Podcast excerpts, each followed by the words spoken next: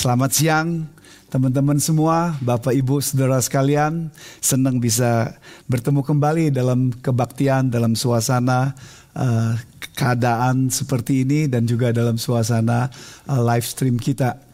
Kiranya Tuhan uh, terus-menerus memberkati situasi dan keadaan saudara sehingga boleh terus dipakai untuk alat kemuliaannya. Saudara-saudara, Biarlah dalam situasi ini kita terus selalu ingat himbauan dari pemerintah untuk tetap di rumah, stay at home, dan juga stay healthy, ya, sehat, dan juga stay in faith. Ya, iman kita boleh terus uh, bertumbuh di tengah situasi seperti ini.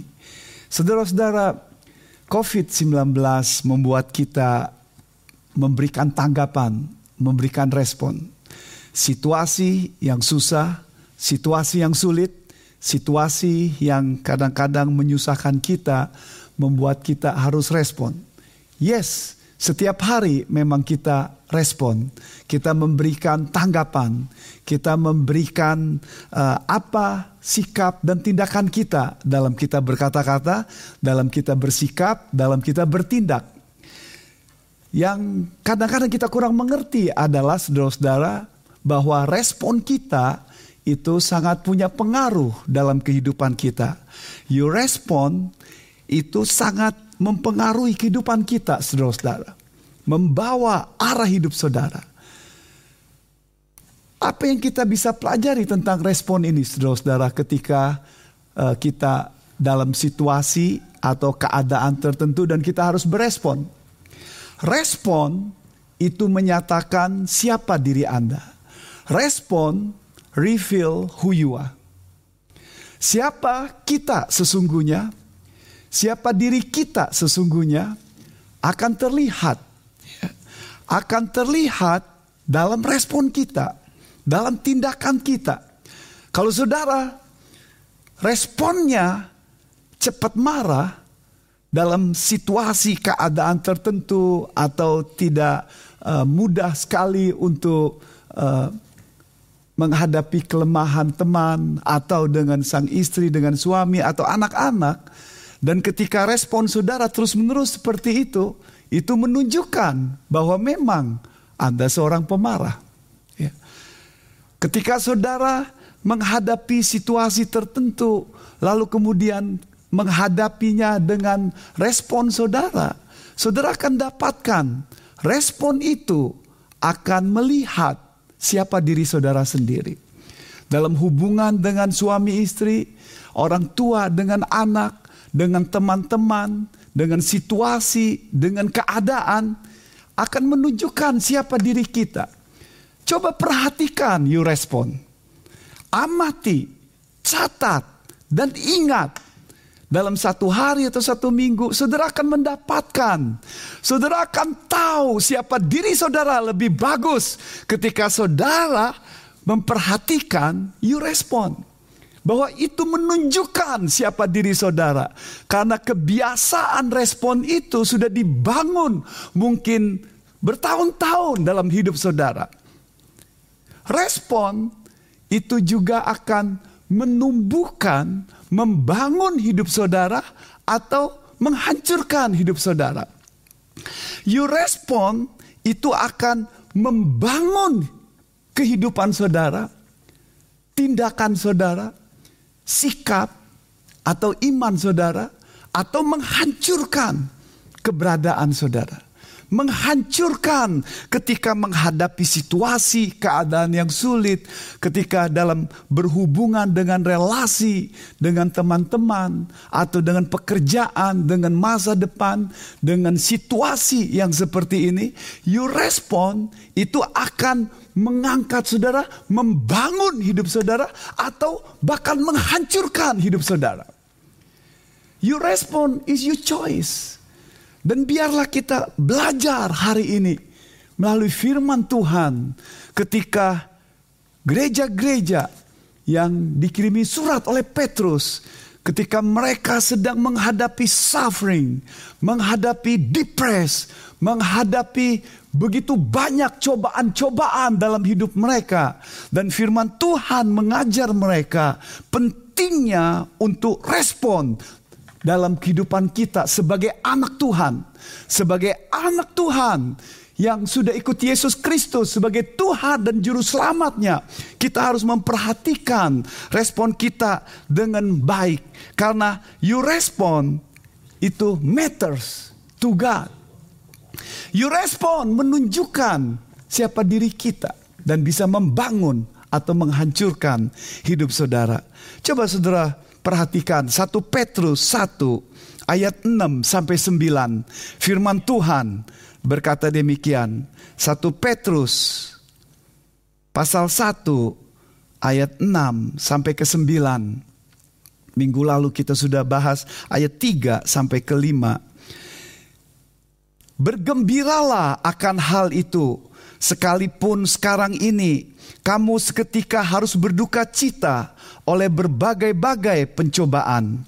Maksud semuanya itu ialah untuk membuktikan kemurnian imanmu yang jauh lebih tinggi nilainya daripada emas yang fana yang diuji kemurniannya dengan api sehingga kamu memperoleh puji-pujian dan kemuliaan dan kehormatan pada hari Yesus Kristus menyatakan dirinya.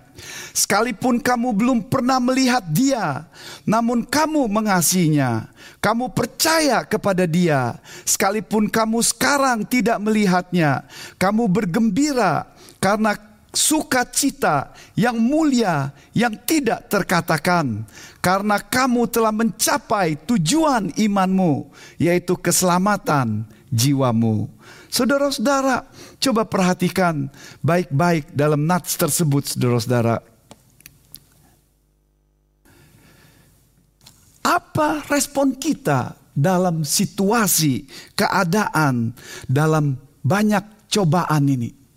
Petrus mengingatkan kita, mengajar firman Tuhan mengajarkan kepada kita sebagai pengikut Yesus Kristus, sebagai anak Tuhan, sebagai murid Yesus. Petrus mengingatkan kita supaya respon kita dalam situasi yang banyak cobaan ini adalah untuk bersuka cita. Our response in trial, in distress, in suffering, to rejoice. Ayat 6. Ya, saudara perhatikan ayat 6. But, perhatikan baik-baik ayat 6.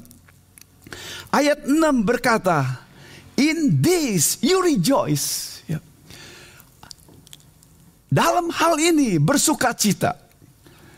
Nats ini, ayat ini berhubungan dengan ayat sebelumnya untuk menunjukkan bahwa Petrus ingin menjelaskan dua alasan yang ingin dikatakan dalam memberikan sukacita ini. Yang pertama, sukacita yang pertama yang saya bahas minggu lalu. Karena kita punya pengharapan dalam Yesus. Karena kita punya pengharapan yang hidup. Karena Yesus Kristus yang sudah mati dan bangkit. We have a blessed hope. We have a living hope because we have a living Savior. Yesus yang hidup dan yang bangkit. Karena kita punya itu dan punya kekekalan di masa akan datang. Nats itu berkata, we rejoice, we rejoice. Itu ayat yang sebelumnya. Jadi dikatakan we rejoice karena we have hope, we have living savior yang luar biasa sekali. Lalu kemudian ayat 6 ini dipanggil untuk rejoice. Rejoice. Bersukacita di tengah situasi keadaan dalam menghadapi macam-macam kesusahan. Ayat 6 situ dikatakan fire, uh, various trial. Bermacam-macam variasi. Variasi istilahnya ini dalam bentuk jamak. Istilah trials itu dalam bentuk jamak artinya bisa berarti masalah-masalah, kesusahan-kesusahan. Itu bisa berarti juga temptation. Istilah yang dipakai adalah istilah yang sama untuk temptation, pencobaan. bisa dipakai bahwa itu kesulitan-kesulitan hidup itu banyak dikatakan termasuk penderitaan, termasuk kesulitan, termasuk juga mungkin kesakitan, termasuk juga mungkin ada masalah-masalah kehidupan yang terjadi pada waktu itu, dan khususnya suffering, penderitaan ketika diejek, dihina sebagai pengikut Yesus Kristus dalam suasana pekerjaan, dan juga di rumah, dan juga dengan orang-orang yang lain dan menderita karena sebagai pengikut Yesus Kristus. Nats ini saudara ayat 6 berkata, That's problem, that suffering yang kita hadapi banyak. Dan juga yang menarik dalam nats kita dikatakan bahwa banyak cobaan-cobaan itu membuat kita sedih, saudara-saudara. Membuat kita sedih, membuat kita berduka, membuat kita penuh air mata, membuat kita mungkin mimpi kita itu menjadi hilang. Dan mungkin ke depan kita buat susah dalam hidup kita. Dan berjalan tertati-tati. Hati sedih, tears, air mata. Jadi ini tidak menggampangkan, mengerti kesusahan kesulitannya saudara-saudara. Lalu kemudian Nats itu berkata bahwa yang menarik Nats ini berkata, your suffering, your distress, your trials itu adalah sementara a little while. Jadi ini sangat menarik. Sebentar, sementara bahwa nanti itu akan berakhir. Dan kita tahu ada COVID-19 sekarang dan kita mendengar di Wuhan itu sudah berhenti. Sudah mulai ada pemberesan di sana soal COVID-19. Tapi untuk menunjukkan bahwa COVID-19 ini ada jalan keluar saudara-saudara. Apa yang bisa dilihat. Tapi yang Nats ini mau katakan, little while itu dihubungkan, dihubungkan dengan hal yang sekarang yang temporal, kesusahan, kesulitan sebagai anak Tuhan alami, dihubungkan dengan hal yang kekekalan di masa akan datang, saudara-saudara. Jadi berbeda dengan perspektif yang seperti itu berbeda. Yes, ada masalah. Yes, banyak tantangan, banyak rintangan. Yes, itu bisa membuat sedih dan air mata. Tapi ini tidak sebanding. Ini hanya sementara, saudara-saudara. Sementara. Tapi ada hal yang menarik, saudara-saudara, dalam nats kita ayat 6 ini berkata. Yang menarik adalah bahwa ada istilah yang berkata necessary. Ini jika itu penting ya necessary itu berarti saudara-saudara sesuatu yang esensial sesuatu yang perlu jadi dengan kata lain Nats ini perspektif sebagai anak Tuhan adalah perspektif sebagai anak Tuhan adalah bahwa ini perlu ini perlu ini penting sebagai sesuatu yang penting, itulah sebabnya karena berhubungan ini suatu yang penting yang perlu. Pertanyaannya adalah dari pandangan siapa ini berkata itu penting dan perlu, saudara.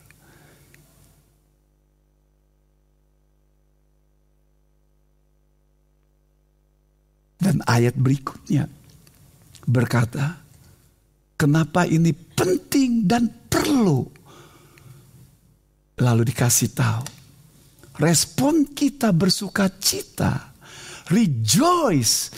Bukan menggerutu, bukan kesal, bukan menyerah, bukan melarikan diri. Rejoice. Bersuka cita di tengah situasi hal yang kita tahu itu sedih. Karena kita tahu bahwa ini perlu penting karena ayat ketujuh berkata itu membuktikan to prove supaya iman kita itu genuineness. Terlihat keasliannya terlihat real terlihat asli autentik terlihat tulus terlihat benar. Itu artinya saudara-saudara. Dikatakan dalam ayat ke ke-7 ya. Ayat ke-7. Jadi dalam ayat ke-7 dikatakan lihat ya. Dikatakan bahwa kenapa kita bersuka cita? Why kita bersuka cita? Yes, di tengah penuh air mata. Karena Tuhan, karena God memakai situasi, keadaan, pencobaan-pencobaan yang begitu banyak yang kadang-kadang menyusahkan air mata kita. Nats itu berkata membuktikan supaya tes, proof tentang keaslian iman kita, saudara-saudara, dalam Tuhan kita, Yesus Kristus, yang lebih mulia daripada emas yang bisa binasa, yang bisa hancur. Saudara perhatikan di situ, baik-baik ayat 7. Kalau nggak perhatikan baik-baik, dibacanya seperti ini. Iman kita lebih mulia daripada emas, betul tidak? iman kita lebih mulia dari emas. Ayat itu tidak berkata your faith is more precious than gold, bukan. Ayat itu berkata the test, the genuineness, keaslian, autentik, benar, sejati iman kita itu lebih mulia daripada emas. Emas yang diuji dengan api bisa hancur, hilang, binasa. Tapi nats kita berkata bahwa iman kita itu menolong kita untuk terus-menerus bertumbuh. Stand, berdiri sebagai anak Tuhan, saudara-saudara, yang punya iman pada Yesus Kristus. Saudara-saudara, how? Bagaimana kita punya iman yang sejati ini, saudara-saudara? Bukan ikut-ikutan, bukan ke gereja, bukan hanya datang ke kebaktian, bukan hanya melakukan kegiatan jasmani, kegiatan rohani, rohani, Iman pada Tuhan kita Yesus Kristus yang benar adalah bukan hanya fokus pada blessing berkatnya. Sehingga Tuhan tempat seperti dukun di mana dia menjadi berkat bagi kita. Bukan saudara-saudara. Tapi yang jelas adalah iman yang sejati itu dimulai dengan berkata, Yesus saya orang berdosa. Saya orang berdosa. Saya mungkin bukan penjina. Saya bukan perampok, saya bukan pembunuh, tapi saya tahu diri saya orang berdosa karena dosa itu fokus sama diri sendiri. Dosa itu berarti saya diri saya adalah bos. Saya mengatur, saya lupa sama Tuhan. Nggak ada hubungannya sama Tuhan. I'm boss for myself. Fokus penyembahan pada diri sendiri. Masa bodoh dan kita ngelawan, kita musuh menjadi pertentangan dengan Tuhan. Alkitab berkata ketika kita orang berdosa, lalu kemudian kita datang pada Yesus. Yesus, engkau mati di kayu salib untuk dosa saya. Saya minta ampun, tidak ada dosa yang bisa saya diampuni. Bukan dengan perbuatan baik saya, bukan dengan moral saya, bukan dengan kegiatan agama saya, bukan dengan baptisan, bukan dengan pelayanan saya diampuni. Tapi saya datang, Yesus engkau mati di kayu salib untuk saya. Dan saya percaya Yesus bangkit dari antara orang mati. Dan ketika kita menyerahkan diri kita seperti itu, dengan sungguh-sungguh, Yesus mengampuni kita. Dan roh kudus tinggal dalam diri kita. Dan kita punya iman yang sejati. Pengenalan bahwa kita orang berdosa. Yesus juru selamat dan Tuhan kita. Dan menguasai terus menerus sebagai proses dalam hidup kita. That's iman. Dan iman yang kita punya ini. Lalu kemudian dalam proses kita berjalan terus sampai akhir hidup kita. Dan iman yang sejati ini firman Tuhan berkata, Tuhan memakai situasi cobaan, penderitaan yang kadang-kadang menyedihkan dan penuh air mata itu untuk supaya iman kita itu teruji Iman kita terbukti, iman kita real, iman kita makin dewasa, makin kuat untuk menunjukkan Yesus itu mampu untuk menopang, menolong dalam kehidupan kita, saudara-saudara. Saudara-saudara, saudara perhatikan baik-baik dalam hidup kita. Tuhan memakai beberapa cara untuk menumbuhkan kita iman kita. Dia pakai orang, orang-orang di sekitar kita, semakin orang itu dekat dengan kita, semakin Tuhan ingin memakai masukannya, orang-orang yang kadang-kadang menjemukan saudara, orang-orang yang kadang-kadang membuat saudara susah, orang-orang yang menjengkelkan saudara, mungkin suami, mungkin istri, atau anak-anak yang kadang-kadang membuat saudara susah. Tuhan memakai orang-orang, teman saudara, rekan sekerja, satu sama lain, mungkin pacar, rumit di apartemen saudara, dipakai untuk membangun hidup saudara. Dan Tuhan memakai firman-Nya untuk mengubah hidup kita. Tuhan memakai saat ini supaya menjamah kehidupan kita untuk respon kita diubah dalam menghadapi situasi keadaan yang susah ini. Juga situasi dan keadaan yang menyedihkan. Tuhan pakai orang, Tuhan pakai firman-Nya, dan Tuhan pakai situasi. Orang dan situasi dipakai Tuhan. Dan firman yang disampaikan itu mengubah hidup kita. Dan sering kali situasi dan keadaan ini kita masa bodohkan. Dan sepertinya itu kebetulan dalam hidup saudara. Kebetulan itu terjadi. Kebetulan. That happened. Dan kadang-kadang kebetulan itu datang tiba-tiba. Yang tidak saudara ketahui. Dan karena itu tiba-tiba itu menghentak dan tambah membuat saudara susah dan sedih. Tapi nats kita berkata saudara-saudara. Di tengah situasi yang seperti itu. Firman Tuhan berkata. Faith kita dipakai dalam situasi keadaan yang seperti ini untuk menopang, untuk menguatkan kepercayaan kita kepada Tuhan. Tes, ya. real, authentic. You fed itu.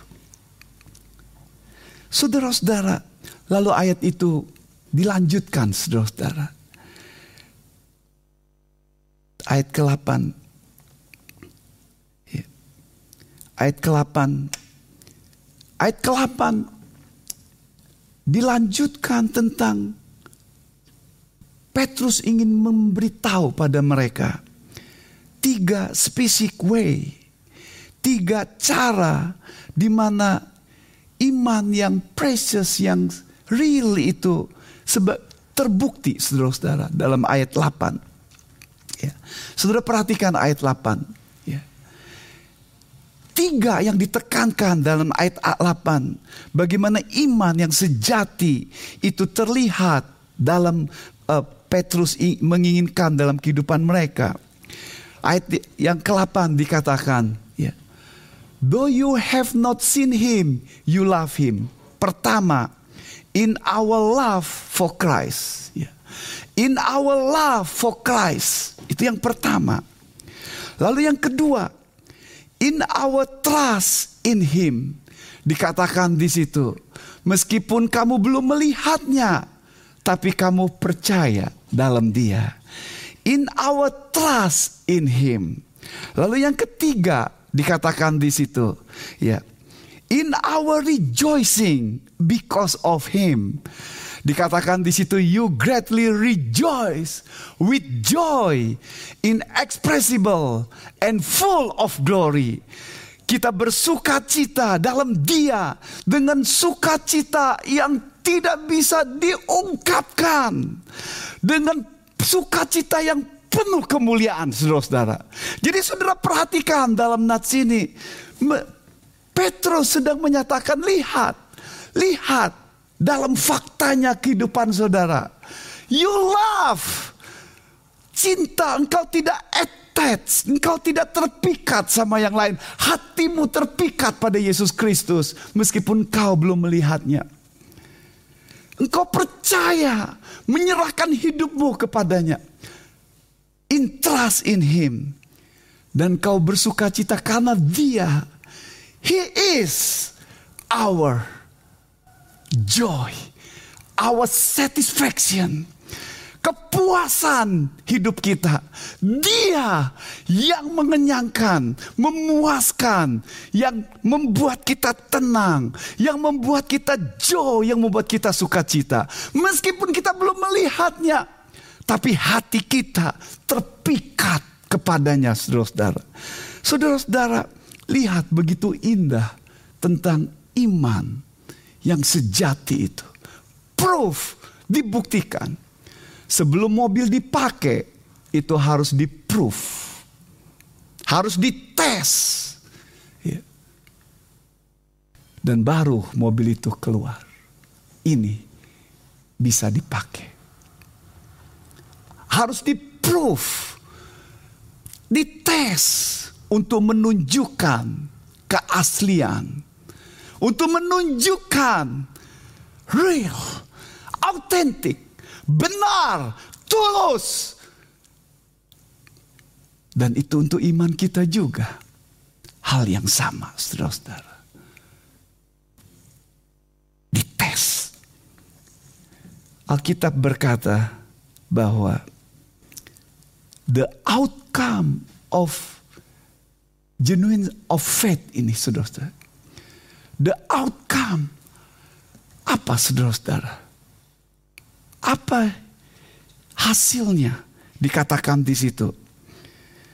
Dalam ayat 9 dikatakan, hasil daripada iman yang sejati. Dikatakan dalam ayat 9, salvation of your faith. Lihat ayat 9 saudara-saudara. Dikatakan di situ, obtaining the outcome of your faith the salvation of your souls. Petrus mengingatkan mereka akhirnya memperoleh hasil daripada keselamatanmu yaitu jiwamu. Yesus berkata, "Jangan takut kepada orang yang bisa membinasakan tubuhmu, tapi takutlah kepada Allah yang bisa membinasakan jiwamu. Nats ini berkata saudara-saudara, kita diberikan keselamatan oleh Tuhan. Bukan hanya sekarang, tapi nanti. Mulai dari sekarang, memberikan ketenangan dalam hidup kita. Yes, ada problem, ada masalah, ada tekanan dan penuh air mata. Tapi ketika kita melihat God's hand, tangan Tuhan, bahwa Dia mengontrol, Dia memakai situasi dan keadaan si kita sebagai orang yang sudah beriman kepadanya, dan itu menopang kita, menolong kita, menguatkan kita sampai akhirnya, sampai selesai, dan itu membuat kita tenang, saudara-saudara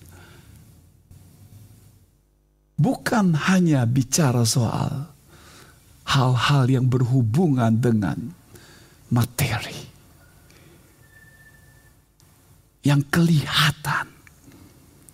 Tapi ini bicara soal your soul jiwa Yesus berkata, "Apa gunanya orang mempunyai seluruh dunia ini, tapi jiwanya binasa?" Di mata Tuhan, harga satu jiwa itu mahal sekali. Seberapa mahalnya, saudara-saudara? Semahal Yesus Kristus yang hakikatnya Allah datang ke dalam dunia dan mati di kayu salib, mati untuk saudara. Harga yang mahal diberikan untuk one person, untuk satu jiwa.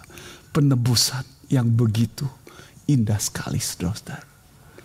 Because he love you. Ayat ini berkata bahwa Tuhan love you di tengah situasi, keadaan seperti ini, He take care of you. Daripada barang, benda, itu semuanya sebagai alat dipakai Tuhan.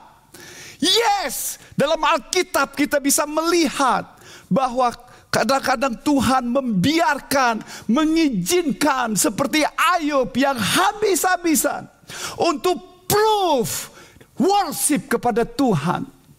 Yes, dalam Alkitab kadang-kadang Tuhan bisa bukan hanya mengizinkan dia secara langsung untuk menghancurkan orang yang bersangkutan. Dalam Alkitab kita bisa melihat beberapa kali Allah menyatakan itu bahwa itu langsung dari dia. Dalam Alkitab kita tahu juga iblis kadang-kadang memakai, menghancurkan keadaan, problem dan situasi yang menjepit kita sehingga kita akhirnya mundur. Bisa juga karena kesalahan saudara. Karena sikap hidup saudara, karena tindakan saudara, karena dosa, karena tingkah laku yang saudara lakukan sebagai akibat sehingga membuat itu berantakan dalam hidup saudara. Tapi dalam nats kita saudara-saudara whatever. You sirkulasi sekarang yang sedang menghadapi variasi kesusahan dan kesulitan dalam tangan Tuhan yang hidup dan yang berkuasa Tuhan kita Yesus Kristus Allah kita. Itu dipakai untuk menguatkan iman saudara. Dan karena itu karena tahu it is necessary perlu penting esensial dibutuhkan, maka kita saudara-saudara rejoice, bersuka cita in the midst of your suffering. Dan hal yang sama dengan situasi COVID-19 ini. Mungkin saudara kehilangan comfort zone saudara. Mungkin saudara kehilangan aduh nggak bebas sebagai mahasiswa biasanya bisa hai ke sana kemari. Aduh, sekarang hanya lihat di video. Biasanya kan apalagi yang lincah seperti cacing kepanasan, wah ke sana terus. Ya, lupa kalau mau kuliah, mau ujian, aduh terus ke sana. Ya sekarang aduh, ya di rumah. This is your opportunity. Grow You fat. Mungkin saudara selama ini terlalu comfortable dengan your posisi kedudukan jabatan. Dan merasa, aduh, that's I have. Itu sebagai identitas saudara. Saudara antusias semangat karena you situasi. Karena you skill. Karena gelar saudara karena berkat saudara. Dan sekarang itu berantakan. Tapi di dalam tangan Tuhan, God used it untuk to grow your faith. Supaya imanmu yang sejati, yang real, itu terus hidup, terus berkembang, terus bertumbuh dan lihat kepada Tuhan kita Yesus Kristus. Amin Bapak Ibu Saudara. Indah sekali nats ini saudara. Yes, tears, air mata, broken. Tapi nats kita juga berkata, rejoice dalam respon seperti itu. Dalam situasi seperti itu. Rejoice. Joy bersuka cita. Senang dalam Tuhan. Ayat ini diakhiri saudara-saudara. Ayat ketujuh bagian terakhir bahwa lalu dijelaskan. Lihat saudara-saudara. Ayat tujuh bagian terakhir dikatakan to result in praise and glory and honor at the revelation of Jesus Christ. Ayat itu dikatakan bahwa ayat ketujuh dikatakan bahwa Tuhan memakai situasi dan keadaan yang susah penuh air mata ini supaya imanmu itu teruji, terbukti hidup real. Lebih daripada emas yang sudah yang bisa binasa yang dimurnikan dengan api. Supaya dikatakan maybe found, supaya kamu kedapatan tujuannya, the purpose untuk kemuliaan saudara. The purpose in praise dalam pujian, glory, honor. Ketika nanti Yesus menampakkan dirinya, ketika kita ketemu kepada dia. Indah sekali. Looking forward Your response is matters to God. Why? Karena lihat itu berhubungan dengan ke depan. Saudara tidak bisa sembarangan sebagai anak Tuhan untuk respon dan sikap saudara. Karena itu terbawa, punya pengaruh. Dan itu biarlah untuk hormat, kemuliaan ketika kita nanti untuk Tuhan bertemu dengan dia saudara-saudara. Kalau saudara mulai give up, mulai menyerah, capek, lelah, menanti, menunggu. Angkat hatimu, angkat jiwamu, angkat imanmu. Dan lihat kebenaran firman Tuhan ini. Look for the future. Dan itu menyegarkan jiwa kita. Petrus mengingatkan Orang yang membaca yang lagi suffering ini look for the future. Ayat berikutnya juga dikatakan. Lalu kemudian pasal 4 ayat 7, pasal 5 tiga kali disinggung. Setidak-tidaknya 5 atau 6 kali disinggung tentang look the future. Ketika kita bertemu dengan Yesus Kristus dan itu menyegarkan, menguatkan yang lagi letih, lesu, lemah, putus asa, sedih. Diberi dorongan karena lihat ke depan. Saudara-saudara, your response is matters to God and to your faith. Jadi biarlah kita dalam situasi ini kita berkata Tuhan, my response is rejoice in you. Rising above your circumstances.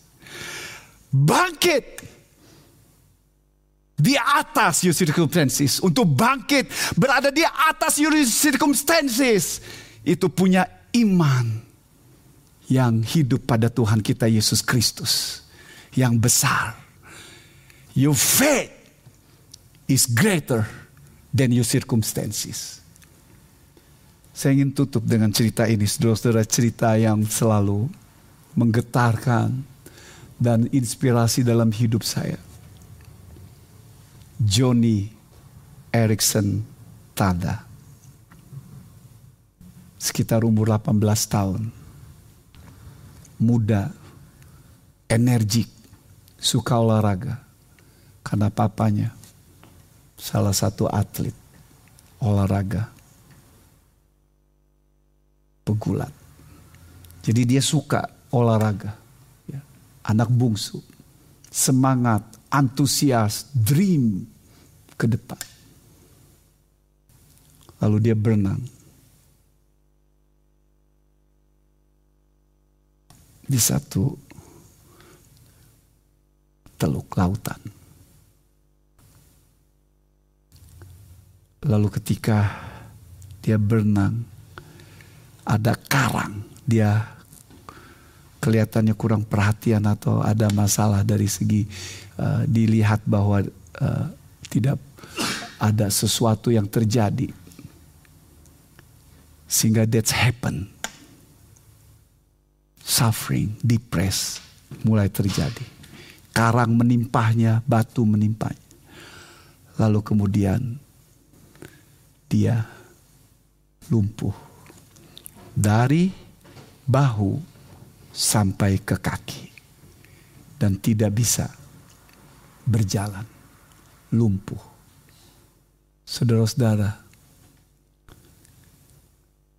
how she fell can you imagine? Bisa saudara bayangkan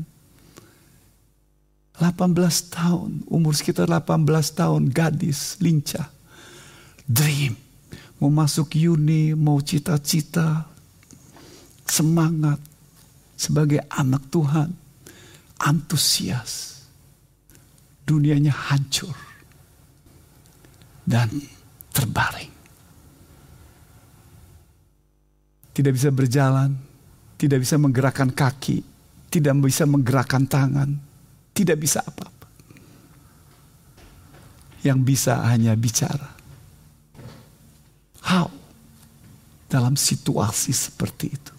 Si respon. Dalam bukunya dan juga dalam filmnya diceritakan bagaimana dia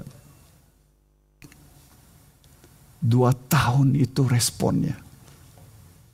Stres, depres, sedih, penuh air mata, kesal, marah, Bahkan dia mempertanyakan Tuhan imannya juga. Dalam situasi yang seperti itu. Dan merupakan kita tahu mungkin hal yang wajar situasi seperti itu. Ya. Dan dalam situasi keadaan yang seperti itu. Dua tahun. Penuh dengan respon negatif. But God works dalam hidupnya. Imannya mulai bertumbuh tentang Yesus Kristus, tentang kedaulatan Tuhan, tentang kasihnya yang luar biasa yang tidak pernah meninggalkan dia Yesus Tuhan dan juru selamatnya. Kedaulatan Tuhan menguasai His love, His greatness, menguasai hatinya. Respon dia ubah dia mulai latihan terapi. Dan mulai saat itu dia mulai dengan pakai apa-apa pakai mulut. Nulis, menggambar, pakai mulut. Semuanya dilakukan pakai mulut. Coba saudara bayangkan. Betapa susah dan sulitnya.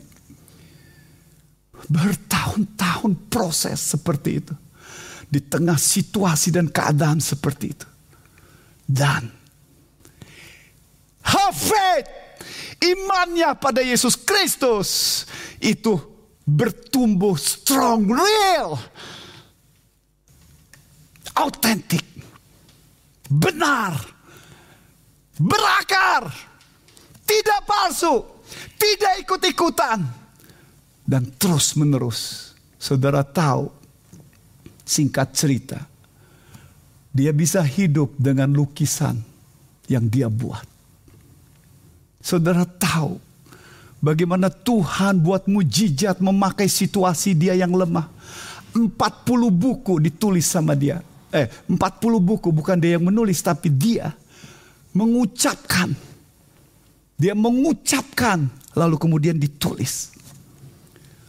Lalu dia membuka Tuhan membuka dan bagaimana dia bisa kemudian naik, bisa berjalan dengan kursi roda dan memakai suara itu jadi kesaksian bagaimana Yesus Tuhan itu mati di kayu salib mengasihi dia, menyertai dia, menguatkan dia, memakai situasi dan keadaan, menyelamatkan. Dia menjadi host radio.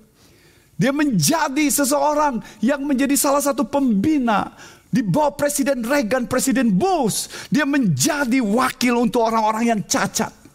Dan sampai sekarang dia melakukan itu terus menerus terus dar. Ketika umurnya sudah 70-an ini.